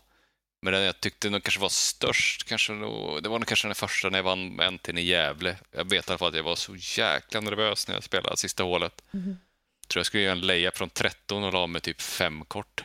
Eh, för liksom att säkra vinsten så får man en fem meters. Eh, så tur var så satte jag den lite skakigt i vänsterkedjan och sen var det inte så att jag var inte ens jättestressad heller utan jag var mer bara så jag ville få det överstökat. Men eh, jag var lite slarvig där. Eh, så det var väl viktigaste vinsten. Acet, eh, alltså jag gör så extremt lite ace. Alltså det är, jag undrar om det är något fel på mig. Jag tycker att jag kastar ändå ganska bra, men jag sätter typ inga ace. Jag blir liksom förvånad att folk som går runt och ace hela tiden. Jag bara, vad... Jag är för svag eller någonting, jag vet inte. Eh, Kommer inte fram. Med bra någon- kast då? Nej, oftast inte. Det är ju... Det är ju rätt Jag får linje. säga att jag är bra Det är på. det. Rätt linje, ja. Lite för hård. Det är väl då jag kastar oftast, landar åtta meter innan och skippar fram. Eh, men jag gör extremt lite ace. Jag kan inte ens komma ihåg ett så här bra tävlings-ace riktigt. Jag kan inte ens komma ihåg när jag gjorde det Mm. senast. Eh, så var den sista eh, viktigaste minnet, det var ju inte en vinst, det var ju mitt... Eh, jag spelade särspel i Skellefteå om tredjeplatsen. Det var nog det roligaste för att spela det mot min idol då, som liksom man har följt hela uppväxten, Jeppe och sen Danne Strandberg där. Mm. Eh, då var jag också så... Jag var så nervös, men liksom kom i någon slags annan mode så att jag blev, blev liksom kasta mycket bättre än vad jag någonsin har gjort. Så jag kastade på, ja, ni kan ju den, det är ju det, nu vet jag inte om det är röd 18 kanske, eller gul 18. Den uppför 130 Ja. Röd, meter. röd Eller 18. vad den är. Röd 18 är jag. Så la jag den typ fem lång, vilket jag typ aldrig har lyckats med. Och sen lyckades jag vinna över de två i särspel, om tredjeplatsen. Eh, så det var nog det bästa, för det var liksom familjen där och första liksom... Kändes som att jag... Ja, men det var första liksom, kanske riktiga fighten jag kände att jag hade med så här särspel och sådär. Och sen gå liksom och ta hem det. Det, var, det kändes stort. Och sen kom jag ihåg efter. Så då hade jag liksom latitud. De hade liksom inte kört så mycket, så jag hade gått och klämt på när de hade släppt, vad den hette då, en slits. Nu heter den väl Blitz då, så var, hade de släppt. Jag hade gått och klämt på den hela veckan där, att jag, liksom så här, jag ska köpa en sån. Så då gick jag bort där, stod Svante där i shoppen, så jag bara, "Du, jag ska, efter jag liksom vunnit ska jag åka hem och så men jag ska köpa den här disken. Han bara, alltså ta den bara. Jag bara, va? Okej, tack. Så här, fick jag den. Eh, så det var, det var ett roligt minne också. Är det inte Blitz som har en sån skumrim också? Som, är som har som ett spår i sig? Ja, den har liksom, den är lite så, vad ska man säga om man ska säga lite modernt språk så är den väl lite, vad heter den? Eh, mutant-aktig. Den är ganska vass i liksom Ja. sina linjer. Eh, och sen är det liksom lite, vad säger man, vad kallar det, plussat på insidan av rimmen. Att den liksom inte är rak utan den går lite Mhm. inåt om jag inte missminner mig. Eh, Han har ju Cool. hållit i sina latituddiskar, det kan jag säga. Eh, jag tänkte så här, när ska du göra... Ursäkta. Eh, Bengtsson har frågat när du ska göra en seriös comeback. Ja, men det är faktiskt en relevant... Nej, det är ändå en ganska relevant fråga. Eh, jag har kört lite, lite, lite sparlåga här nu när liksom, jag har ju en, en femåring och en, en tvååring, så att det har liksom blivit ganska mycket mer familj. Jag sa till mig själv, vet, när Birgitta Lagerholm frågade när jag tror jag skulle vara tillbaka, jag sa 2023 tror jag att jag är tillbaka on track eh, på lika mycket. Så jag hoppas 2022 kommer att vara lite mer eh, än vad det varit tidigare här. Eh, så hoppas jag att rampa upp. Eh, det är ju egentligen nästan mest tror jag för kanske någon fler tävlingar hade jag nog kunnat åka på, men det är nog mest för liksom, träning. Alltså, jag tränade inför Vegas, gjorde jag när jag åkte över där, då liksom körde jag ganska mycket, men annars har det varit ganska lite träning. Det jag klassificerar som liksom, träna och satsa mängd. tänker när du nämner eh, ditt barn där vi fick en fråga eh, om hur många ratingpoäng ett barnuppehåll ger. Jag tror att det var någonting i den stilen. Ja, men om man ska... Ja, men alltså utifrån vad är det... Ja, jag tror jag gick upp eh, 15 poäng när jag fick min första. Eh, och sen vet jag ju Arvid eh, eh Solleby gick ju upp också poäng och sen 16 gick ju och vann USDGC så att eh, ett barn det ger någonstans mellan eh, 15 poäng och en USDGC-vinst. Eh, så att det är ett bra spektra där. Så att, eh, jag vet inte om då fick jag på lågsidan då kanske med 15 ratingpoäng. Men jag tror väl så här, hur säger man, skämt åsido, men jag tror nog att det, så här, det ger en... Det, om man har liksom satsat ganska hårt på någonting och sen så får man ett break och en liten distans och liksom kanske får tillbaka lite mer glädje till att bara ha roligt och kasta så tror jag man kör lite mer avslappnat. Så jag såg ju när Lisotte skulle få där, så kollade han för VM-vinst 2023. Eh, eller 2022 är det på. 2023 kanske han tar det då. Han fått ett distans till det och gå ut och ha lite mer skoj. Det vore väl något, Nicke? Ja, ingen skulle vara gladare än jag tror jag. Han, garanterat. Eh, faktiskt. Ja, han skulle såklart vara gladare, men eh, nej, det skulle vara häftigt faktiskt. Ja, Ändå det är lite tveksamt om han är gladare. Jag vet inte. jo, det tror jag faktiskt han skulle vara. Kanske. Du Emil, vi har ju fått svar på favoritbanan, men vilken är den bästa banan du vet? Ja, Det var ju också som jag sa innan, det är så jävla enkelt att säga liksom håller vit. Och jag har faktiskt jag har tänkt på den här en del och det är så extremt tråkigt att säga någon i, i Sverige eller i Europa, men om man ska Vad vill du ha på en bra bana? USA-ban. Vad vill du ha på en Vad bra bana? Alltså jag vill ju jag vill ju först ha att bandesignern ska liksom ha eh, alltså den har bestämt lite grejer åt det.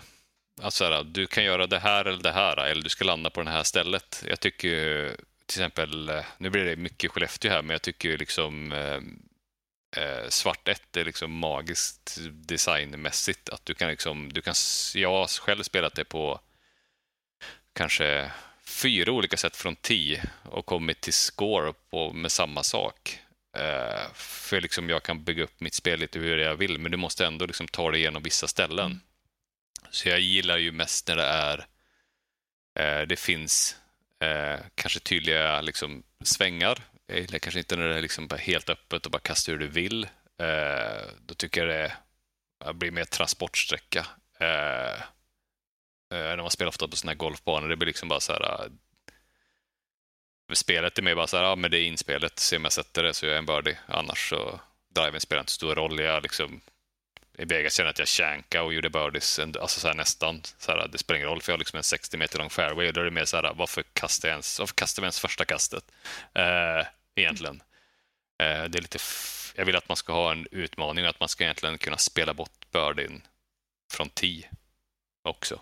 Eh, så jag gillar när det, jag gillar också lite mer, vad säger man, breda fairways i skog. Eh, och sen som alla en så här schysst variation mellan liksom svängar åt båda hållen och, och längder och sånt där. Det är liksom bara en schysst variation på det. som jag tycker så här, till exempel Ale Vit har bra, eh, eller hade bra. Skellefteå tycker jag också har bra variation. The Beast-banan. Eh, för att ligga på det området eh, så är den en jätte, jättebra designad bana. Eh, sen är det kanske inte visuella, liksom, det är lite bilvägar och lite sånt där. Men det är så här, för att vara på det området så är den jätteschysst. Eh, och den är riktigt utmanande. Eh, så den gillar jag. Att man liksom får, alltså man blir stressad av den. Eh, eh, sen i USA, varför, varför jag inte tar någon egentligen direkt bana i USA, det är faktiskt för att de flesta banor i USA har oftast några riktiga, ursäkta mig, skithål, alltså som verkligen drar ner stämningen på banan. Eh, som kan ha liksom 16, 17 magiska hål och så kommer det ett där det här så här. Nej, det är roller du måste kasta från 10. Finns inget annat. Bara, varför, varför har ni gjort det här för? Jag tar så här, ja men det är Beaver State Fling där i, i Portland, Oregon. Så, så här, två helt kanonbanor med helt magiska hål. Fast båda banorna har en till två, alltså sådana hål som inte ens hade som känns knappt som hade funnits vid, innan första gallringen i Sverige Mm. på träden. Och det, det är tyvärr kanske lite genomgående. De har lite många sådana här uh, Guardian Trees. Eh, det finns ingen, det är så här, du får kasta och så får du hoppas att du tar dig igenom och tar du något träd så får du försöka sätta en långputt eh, på vissa ställen då. Eh, sen mer på banor är väl kanske, alltså jag är inget jättefan av golfbanor, eller rättare sagt jag ogillar det. Det är få golfbanor jag spelar som har en riktigt bra design. De börjar väl bli bättre nu när man har märkt att man kanske inte ska vara så mycket på golffairwayn för att den är för bred och det inte blir något bra utan man ska hålla sig på sidan om den. Men eh, de, de blir oftast att det är, så här, det är ett fint område, det är enkelt att lägga banan, det blir vackert men det är inte så jättebra hål. Eh, så här, det är för stort, eh, det är så. Eh, det är liksom gjort för en golfboll och en klubba, inte en disk. Vi behöver lite mer, lite mer svängar. Eh, vi behöver lite tajtare för, vi, för att det ska bli mer utmanande. Eh, jag tycker att det är roligare att titta på också och att spela det. Mm. Om du fick välja en golfbana eller mozzarella sticks? Uff, jag tror, alltså du, du, gud, alltså herregud vilken bra fråga. Eh, jag tror jag tar golfbanan då. Eh, för där, det gör jag nog. Mozzarella sticksen där tar jag inte, och det tar mig inte in på just DGC. Den, de har växt ifrån det området för tio år mm. sedan. Eh, men det, de har några riktigt magiska hål alltså. Eh, som är riktigt bra, men det är, det är några stycken. Eh, och evenemanget är ju, alltså det är ju så bra där och man känner sig så... Jag hade nästan bara velat åka dit för liksom att vara med runt omkring. Eh, själva banan tycker jag ju är... De försöker göra det bästa av det, men området är liksom för dåligt. Det är liksom så här, men vi, vi spelar liksom inte på parkeringsskippa längre, känns det som. Inte på de största tävlingarna i, i världen. Då känns det som att det är inte riktigt... Det ska vi inte hålla på med riktigt. Eh, det börjar bli för mycket pengar och för liksom stort för att det ska vara det man spelar på. Mm. Min känsla i alla fall. Förståeligt. Fick vi något svar på bästa banan då? Nej, det fick du inte. Men det måste jag ju säga, då får jag ju ta eh, snuttefilten och det är ju terminalen. Man kan säga Serpent Hill i Luleå också. Att den var ju riktigt rolig. Jag är så sugen på att vi ska köra en, en singeltävling där. Alltså. Gud, jag var så sugen på att spela den på singel för jag skulle känna att jag gick runt och spelade och bara, du det här kommer att vara jobbigt singel. För att eh, missar man fairway där var det ju jobbigt märkte jag när man fick gå och hämta sin disk där att här hade man inget läge. Här var ju en buggy som bäst. Ja, den är eh, fantastisk alltså. Det är nöje att åka dit och spela. Ja, ja, mm. ja, jag tyckte den var superrolig alltså. Mm. Just det. Du, det blir lite, men det är lätt att, att sortera ut Bengtssons frågor här. och så. Men han, han undrar lite, när ska 360 ta och vinna några lag-SM-guld innan vi blir för gamla? Ja, men det tycker jag nog är dags. Det är nog dags snart. Jag tror nog kanske Borås börjar känna sig lite så här, nu har de fått lite så här, lite, känna att de så här, men de är helt okej okay, eh, nu. Eh, så att nu kan vi liksom så här, kanske komma upp och visa liksom gammal äldst om man säger. Eh, eller ska vi liksom vara lite kaxiga och vänta ut tills vi skickar till ett masterlag och så slår vi de där i juni. Kanske, det vet inte, vet inte vad, det får se vilket som kommer först. Eh, men... Hur långt ifrån ett masterlag är ni nu då? Ja, det, det är eh, nära. det vi, vi, kan skicka, vi kan skicka ett ganska bra masterlag redan nu tror jag. Väntar vi, vad är, är jag ifrån, två år då? Så att då kan jag hänga på. ja, det är gött. Du, sen har jag, jag kom på en fråga här nu idag faktiskt. Eh, jag sa till Tommy på, när vi var på mm. lag-SM, när jag såg att din bror var där. Eh, och jag först kopplade inte för huvudtaget. Mm. Men jag som har hållit på och byggt bilar tidigare och haft lite koll så på, på racing i allmänhet. Så till slut klickade det bara. Nej men det är ju Robert Dahlgren. Mm. Så, så bara, knöt jag ihop säcken där då och förstod att det var din brorsa då. Eh, och då är min fråga så här, vem åker du helst bil med? Christian Bengtsson eller din bror? Min bror. Det är inte ens, det är inte ens en, eh, inte ens en fråga. Eh, jag har och för sig åkt med Christian, det är, han, han, han kör bra sådär, men det är ju, eh, det är eh, extremt roligt att sätta sig och åka med brorsan. Det är så att när man när det går så fort men man känner att det är full kontroll eh, så liksom kan man bara njuta. Man blir liksom inte det här rädd när det går för fort utan det, är så här, det blir en helt annan växel. Mm. Eh, så att det är bara så här, sätta sig tillbaka och liksom hänga med och känna kittlet. Mm. Eh, Vem åker du helst bil med? Dig själv eller din bror? min bror. Eh, det gör jag. Eh, sen kan det väl bli lite, lite mycket när han, eh, vet du nu, fick en period när han jobbade med Volvo och Posar så då hade han ju lite lånebilar och då bodde han ofta hos mig i Göteborg så då kom han in med lite spännande bilar och sånt där och då var det ju vi ska bara åka och handla eh, och den handlingen eh, blev intressant eh, kan man säga. Det gick bara, jag måste ju känna på det här ju så att eh, ja, men det är liksom roligt. Kan det här vara en fråga vi ska ha i faktarutan framöver? Vem åker du helst bil med? Punkt, punkt. Ja. Det är en Ja. bra fråga. Okej, okej. Utan, för du har inte åkt med någon av oss. Vem spontant åker du helst bil med? Tommy, Nicke eller Elina?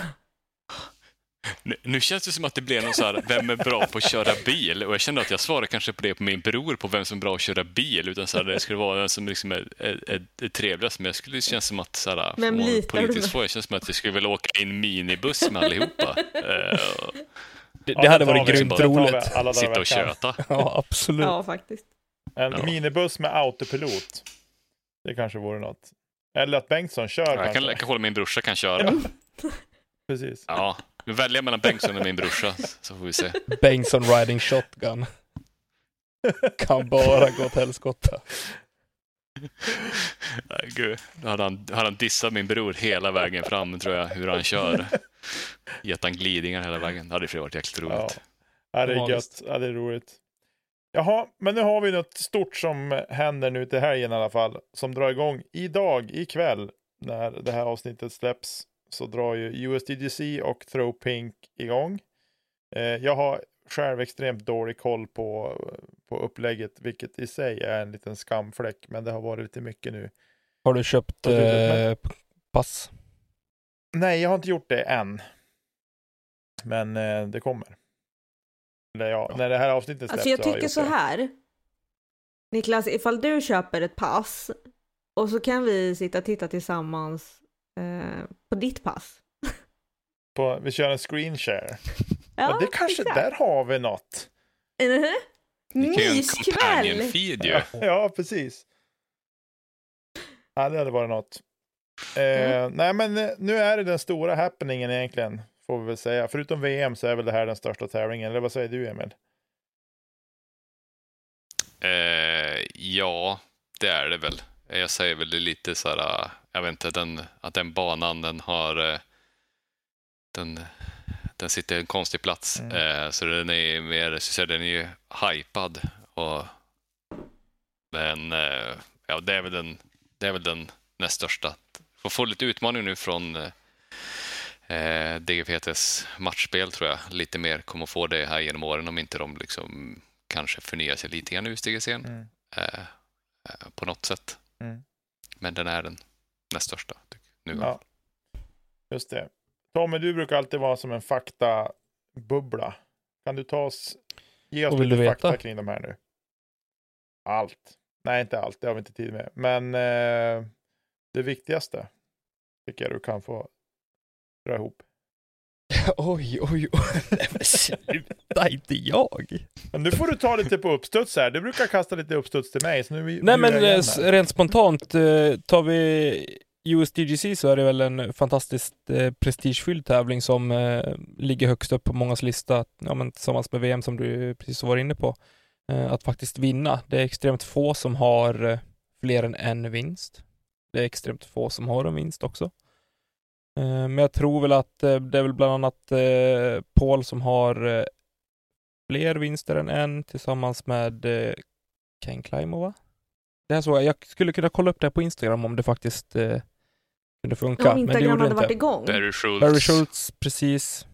Barry Will Schultz, Schultz-Strick. Will Schultz-Strick har vunnit flera.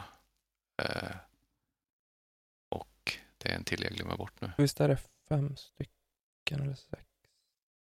Känns som Nate Doss borde ha. Tack! Det var det namnet jag Det bara så här, vad är det han heter? Ja, det är svårt att komma ihåg. Han Men Det hörs ju aldrig. stämmer nog. Det stämmer nog. Nate Doss är Mm. också en som har tagit fler än en, ja. Sen har vi James Conrad, Rick Wysocki och eh, Chris Dickerson och en... Visst har Greg Borsby vunnit också? va? Eller, nej, det kanske han inte har. Förlåt mig. Du säger, Nicke, du ska inte sätta mig på den här pottkanten alltså. Tycker det är elakt. Eh, nej, men eh, sen är det väl eh, banan som är eh, de- den stora snackisen egentligen inför eventet där de eh, återigen har stoppat ner några mozzarella sticks i backen. Eh, någon Vi skulle inte gå in på det här för då blir Emil arg. tänkte ifall han inte hade sett de bilderna på håll 9 så står det väl en Ja, fem, sex stycken pelare där. Åh. I och för sig Men- så är det ganska brett emellan dem så jag förstår inte så här, ja. Det gör ju mer skada för ditt psyke än vad det gör för spelet kanske. Det är väl bara att kasta förbi, det är ju inget mando. Nej men precis och sen kommer ju säkert, alltså folk, det här är ju garanterat en PR-grej från Innovas sida också. Att bara för att de slänger upp det här, det är bara det här hålet liksom de visar eh, på Instagram, alla spelare och liksom lägger upp, okej hur kommer det här gå? Det kommer ju dra tittare. Folk vill ju se när folk kastar in i de här, eh, ja, vad det nu är. Det är klart det är så.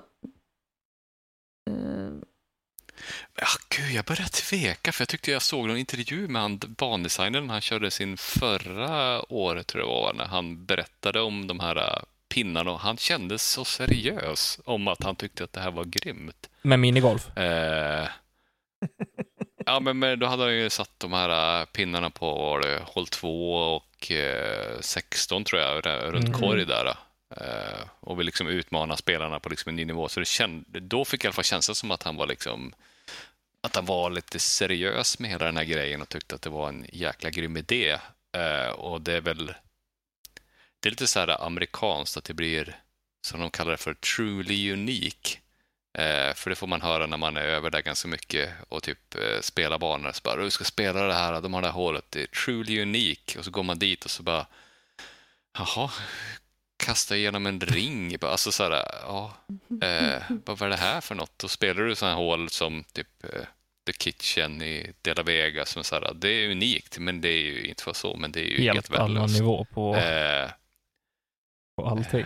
men de försöker ju, det är lite amerikanskt så, de försöker att spänna bågen till att göra något spännande nytt och eh, det är lite den stilen. Alltså på, på hål 2 kan jag ändå Såg vi någon köpa som hade det. gjort ett stort jävla nyckelhål och grejer. Nyckelhål. Ja, han hade skurit ur en kulle eh, som ett nyckelhål och ställt korgen i mitten. Jaha. Det var, jag vet inte, kommer inte ihåg vilken bana det var då, men eh, det var också truly Jag unique. vet att det var ganska unikt på eh, ni som har spelat Åsbo. Eh, har Mm. ett hål nummer 15 som alltid har varit lite kontroversiellt. Där mixtrar man eh, många år med eh, olika typer av öar och i två år så var den formad som en eh, sån kista som Dracula bodde i. Det var intressant. Mhm. För korgen Det är stod inte intressant. mitt i kistan heller. Utan det var, ja, utan på den smalaste delen. det gjorde det. Och längst bort. Ja. Såklart. Men det var, det var I intressant. hörnet, liksom. Det var kul att göra birdie, men det var inte så kul Ja. att göra 8-9 heller. Eh, Nej, man kan få spela intressanta hål när man är över där i USA. Om ni vill, om ni vill se det mest intressanta hålet så kan ni kolla på Ledgestone 2015 eh, när de spelar Northwood Park, hål 2 där. Det är det, det är överlägset det sämsta hålet jag spelat hela mitt liv. Jag, både jag och Henke efter träningsvarvet, vi kom dit. Nu blir det en jävla anekdot här, men ni får det. Eh, så var, höll de på att lägga OB-linjerna där. Så frågade vi Henke, vad, vad gör du? Bara, Jag ska lägga OB-linjerna. Men du kan ju inte lägga dem där. Det är ju helt omöjligt. Så här att du spelar ett blint hål över en kulle på en OB och sen har du en, kan du chippa ner till en till ö som är liksom fem gånger åtta meter. Eller kasta fram till korgen som är 60 meter bort som är 8 gånger 8 meter stor ö. Eh, bara här måste du säga till Teden att så här kan du inte ha, du kommer få så mycket skit för det. Bara, nej, nej, det ska vi köra. Eh, och både jag och Henke, vi, jag har aldrig känt så efter en runda, bara, jag vill bara gå hem. Efter det jag spelade hålet. Bara, jag vill inte spela tävling, jag vill bara gå härifrån. Det här var så dåligt. Och sen då kryddade det lite grann där med stroke and distance också. Inga drop zones, utan där, bara kasta om. Eh, det, var, gick inte så putt, det gick inte så pussat, puttas till ett par. Det var, eh, det var liksom höjdskillnader också, så att om ni vill titta på ett konstigt hål så Ja, kolla in. göra. Det lät eh, verkligen intressant. Det.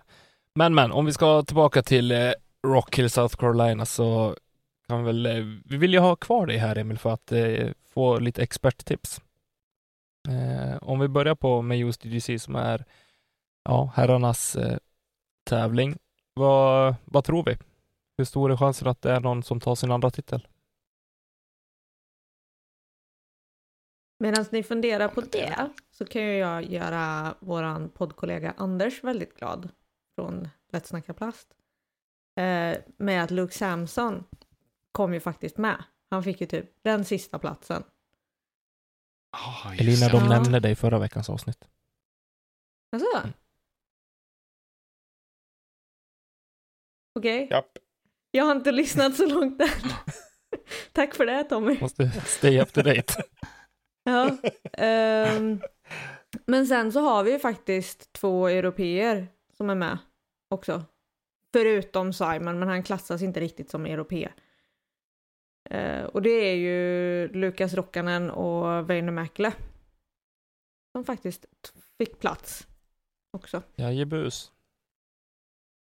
One shot, one opportunity. Så tog de den. Men eh, ja, vad ska vi säga, vad tror vi om eh, deras eh, chanser? Ja, Vaino kan nog, han kan nog hoppa upp ganska... Han skulle kunna chocka och få till och liksom vara med där uppe och spöka skulle jag nog säga om man får till liksom... Spelaren har ju en... Får han igång sin putter så kan han ju vara... Alltså så här, då är han ju livsfarlig. Eh, sen har jag inte sett det på en, ett tag här nu. Eh, men han tror jag kan, han kan vara en bubblare för att eh, fighta sig in i alla fall topp 10 Han har vunnit det mesta i Eh. Finland i år. Han har gjort. Okej. av den pro-touren de har spelat och finska mästerskapen och massa sånt där. Grymt. Där har han ju varit farlig. Eh, Men eh, vad ska man säga annars på tippningen? Det känns så här att man, man blir lätt lite så här, den är ju ganska forehand vänstervänlig. Så att det är ju gärna att man vill gärna plocka de eh, spelarna. Sen har ju eh, senaste åren när liksom eh, Konrad liksom eh, vann och sen har du tid har liksom, så det har varit med några andra som inte har du har varit ju så forehandvänliga. Dickerson och Eh. Calvin var det väl som fightades förra året och ingen av dem kastade ju speciellt mycket forehand heller. Nej. Nej, så om jag ska sätta min för vinst då eh, så tar jag nog, jag tror faktiskt jag tar Calvin faktiskt. ja, jag tog eh, Calvin på min skip-base-liga faktiskt. Det kan vara ärlig och sticka ut hakan med. Men jag eh, tror att den eh, hamnar hos Innova och Ricky Wysocki. Jag tror på Calvin. Eller jag hoppas på Calvin ska jag säga. Elina kommer inte säga jag igel. tänker hålla... Vad sa du? Elina kommer inte säga igel i alla fall. Nej, det kommer jag verkligen inte. Men... ehm, mm, mm, mm, jag säger Drew. Oh! Jag... Jag vill att det ska gå! Oj. Mr One Hit Wonder. Ja, men det vet vi inte. Förrän det är klart. Han kommer leda efter runda ett, sen kommer han hamna på en stabil 56 plats. Kommer vi se någon monsterigel eh, likt eh, Nico? Eller vad tror vi? Eh, Ja, skulle kunna, Garrett skulle kunna göra en till på hål 5. Mm. Den är helt Ja, den galen. är lång. Mm. Eh, Är den enklare eller svårare nu när de har ny tidplacering tror du? Eller du spel... Nej, du har inte spelat den nya. eh, är den ute på Eh, bron? Ja, men nu har de ju flyttat upp den så att du kastar liksom över krönet ner mot vattnet. Ja, ja, jag, Ja. Jag spelar båda dem. Jag skulle säga att jag tycker den på bron Ja. är enklare. Den på krönet är, är svårare för det känns, det är så här när du står på 10 eller när du kastar också känns det hela tiden som du typ kastar in den i vattnet men det finns Mm. jättemycket plats och sen när du tänker att det finns mycket plats och då drar man den i vattnet så den är, så här, den är lite lurig för den är så, så här blind. Så att det är, jag tyckte den var lite svårare faktiskt. Eh, än den ute på Sen den ute på bryggan kändes som att man kastar man den i vatten, men det är ändå så här, det är inte lika farligt för vinden heller. Du kan liksom, du kan liksom ta något ganska stabilt och bara kasta ut det på högersidan så fader du in och sen kan du chippa det fram igen. Om vi, Kasta bort disk. kan vi hoppa till hål 17 och bara få en eh, Mm. korrplaceringarna där? Vilken föredrar du och vilken eh, tycker du är jobbig? Alltså det, den, den korta i mitten, eller så den, den korta i mitten är ju den som man föredrar. Då kan man ju spela sig safe. Eh, Den längst ut vänster är ju egentligen så här. Jag spelade ju exakt samma kast till båda. Eh, och sen när det var kort placering så var det så här, ah, nu har jag börjat putt, när det var den är borta så var det så här, ah, okej, nu har jag, kan jag försöka ge en liten halv chans på att ta sig in där. Eh, sen har den ju blivit lite snällare. När jag var där första året så var det ju uh, stroke and distance och ingen OB, så då är det ju så här, då var det ju ännu jobbigare för då hade du liksom, då var ju oändligt score som kunde bli. Nu får du ändå gå ner så du gör typ sämst kanske en sexa eller något sånt tror jag du kanske, eller en sjua kanske som värst. Eh, men när jag var där första gången så var det ju liksom 17, 18, 20 som folk gjorde. Eh, så då puttade jag mig faktiskt fram. Eh, då hade jag ingen forehand första året. Då puttade jag mig fram, spela in och sen eh, kunde jag acceptera en fyra. För jag inte ville gå därifrån med 17 eller någonting och förstöra hela helgen på ett hål. Ja, det Mm. är crucial det där. Ibland ska man lära sig av andras misstag. Jo. Jag har åkt hem alltså. Mår ju dåligt på att tänka av det, stackars människor. Man får ju slut på disk till slut. Ja. Ja, får du springa och hämta. Du har 30 sekunder på dig att springa ner till och hämta. Ja. Om vi, eh, vill vi säga någonting mer om just EDC eller är det bara vänta och se så får vi ta en ordentlig wrap-up till eh, nästa vecka? Jag tar det som att vi är... Säger jag, jag är inte med nästa vecka. Eller? Det vet du inte. Eller, ska vi se. Nej, det har jag faktiskt inte. Och framtiden avgöra. Vi eh, tar väl och rullar bort till, till damsidan och eh, Throw Pink Women's Disc Golf Championship. Ett sånt där kort koncist ord. Eh, Mm. Elina, har du stenkoll eller? Nej, För det har inte jag. Men eh, jag har aldrig koll. jag kan säga så här, Hailey King kommer vinna. Mm, Katrin Allen kommer inte på pallen. Jag kan eh, säga så här. Page 20 kommer gå i lead card efter runda, eller inför runda två. Kanske? Mm. Ska vi, ska vi starta betting site? Över under bara. Kom igen! Det hade varit någonting. Mm, mm, mm, mm, mm. Vad har vi? Nej, jag tror, jag tror som Tommy, jag tror att Haley kommer att vara en, en contender till det där. Page alltså, kommer tvåa och Missy kommer trea. Ja men kan inte Missy bara lyckas? Kan hon göra en Dickerson? Ja, hon skulle jag... Ja, fast mm. Alltså då är ju nästan Sarah mer upp i där. Nej. I så fall. Hokum. Ja. Nej. Nej, jag vet att ni inte vill det, men jag tror att det är så. Nej, det handlar inte om att vilja. Det jag handlar om att det är alldeles för öppna hål. Så att, nej. Jag tror inte att Hokum kommer vara med i slutkampen. Inte ens Mm. nära tror jag. Alltså jag skulle säga att det här är mycket Alltså, svårare att pinpointa än vad herrarna är. Ja, det har ju också bara så skulle Kona typ putta någorlunda så ju, skulle hon kunna vara på lead card här. Ja. Alltså så här, jag verkligen, jag hoppas verkligen att de får till det där med den nya puttstilen de bytte till. Alltså det har Nu, ju blivit bättre sedan. sen hon bytte nu. Mm. Eh, liksom stabilare på något sätt. Hon gör ju fortfarande de där jättekonstiga från, ja men Cirkel två. cirkel 2-ish. Men alltså sen så ligger ju liksom Lisa Fakers med till exempel.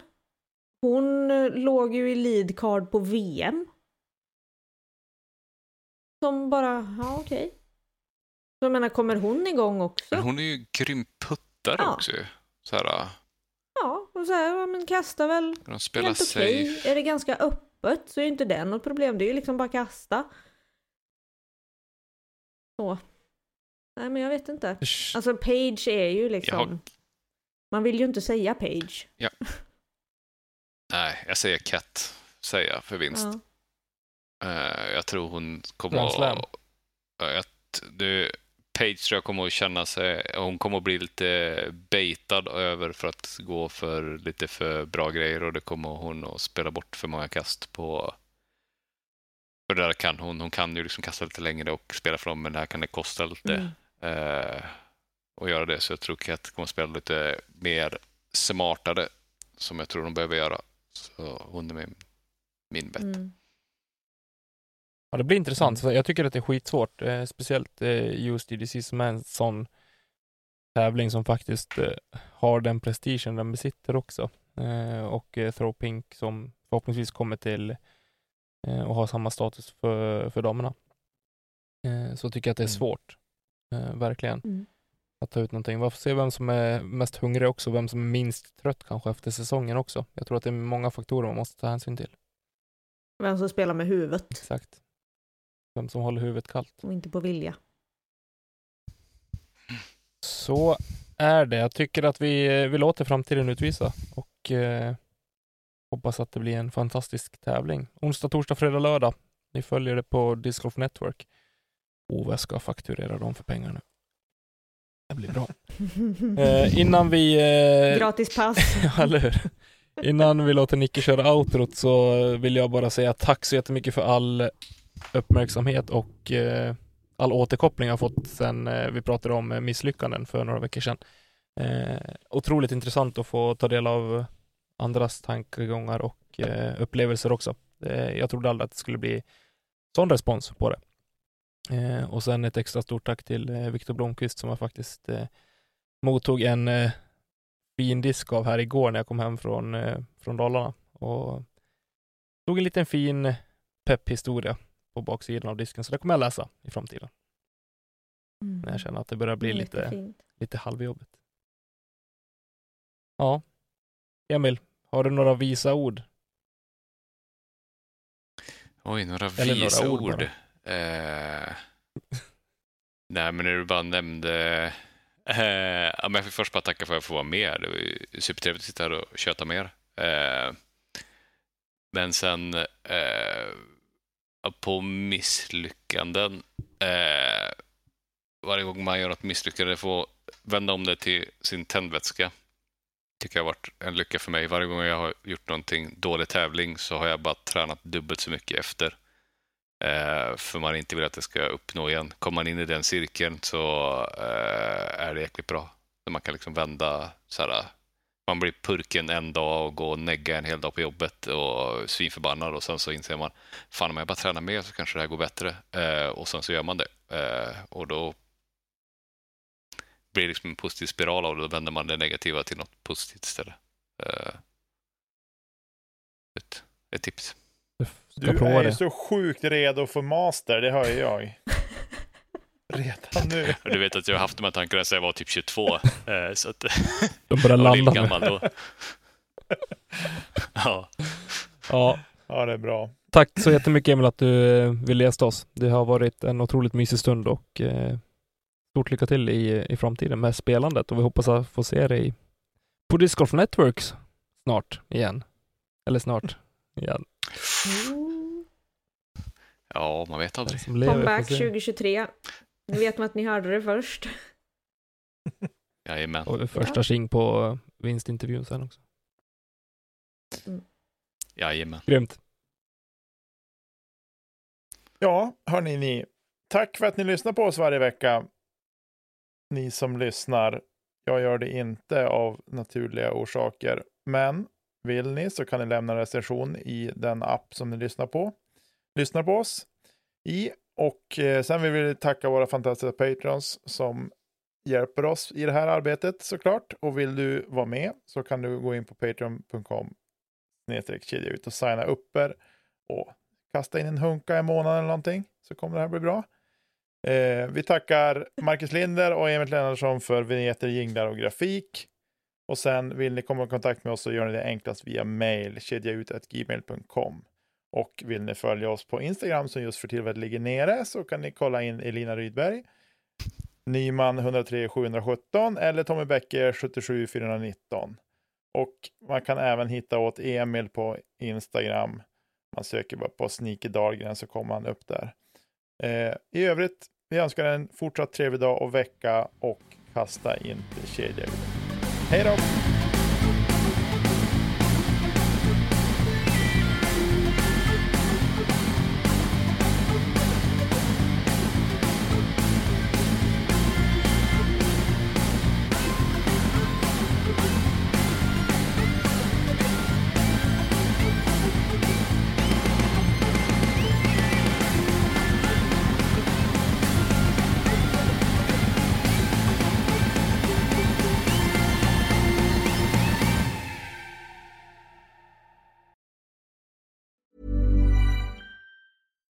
Deserves the best, and there's no better place to shop for Mother's Day than Whole Foods Market. They're your destination for unbeatable savings, from premium gifts to show-stopping flowers and irresistible desserts. Start by saving 33% with Prime on all body care and candles. Then get a 15-stem bunch of tulips for just $9.99 each with Prime. Round out Mom's menu with festive rosé, irresistible berry chantilly cake, and more special treats. Come celebrate Mother's Day at Whole Foods Market.